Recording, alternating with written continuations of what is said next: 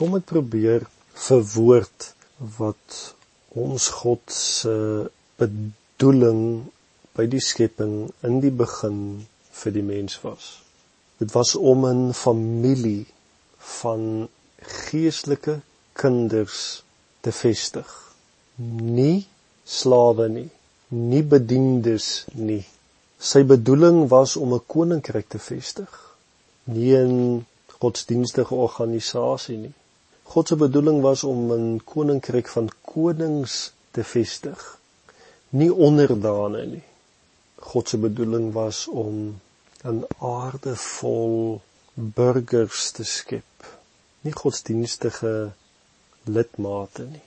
Sy bedoeling was om verhouding met die mens te vestig, nie om godsdienst te vestig nie.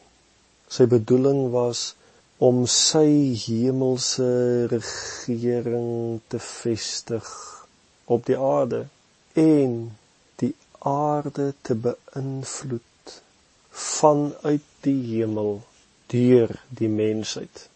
Dit was van die begin af sy bedoeling gewees om sy hemelse koninkryk uit te brei op aarde deur die mens. Daarom was sy plan gewees om te vestig 'n familie van seuns, nie 'n huis vol bediendes nie.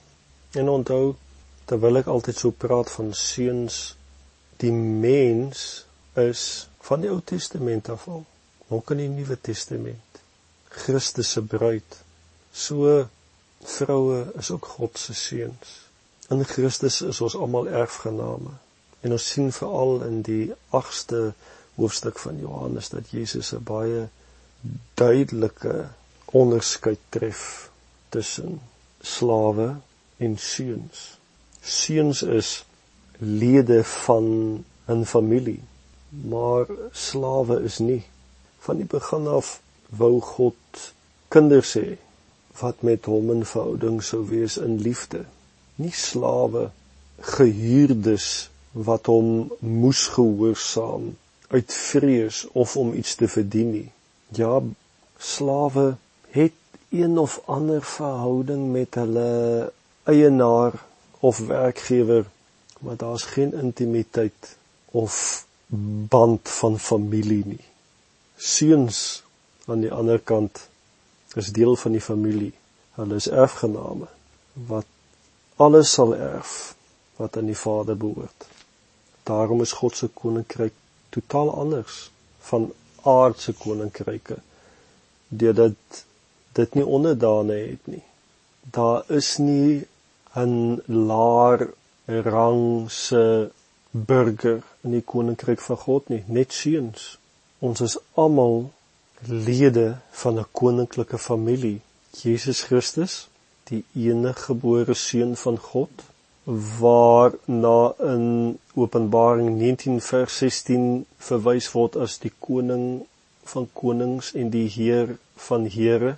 Hy is ons ouer broer Elkeen in God se koninkryk is 'n koning of 'n koningin. Daar is nie laer klas of middelklas nie. Daar is nie 'n kastestelsel nie. In God se koninkryk staan almal in verhouding met die koning self. En ek hoop as ek so praat, begin jy nou al hoe meer agter te kom dalk waarna toe ek op pad is want God het 'n koninkryk, sy koninkryk hier kom vestig op aarde. Ons is sy seuns en dogters. Weet jy wat 'n waarde jy het? Wat 'n gesag jy het? Wat 'n taak jy het? Wat 'n identiteit jy het? Dink jy so oor jouself?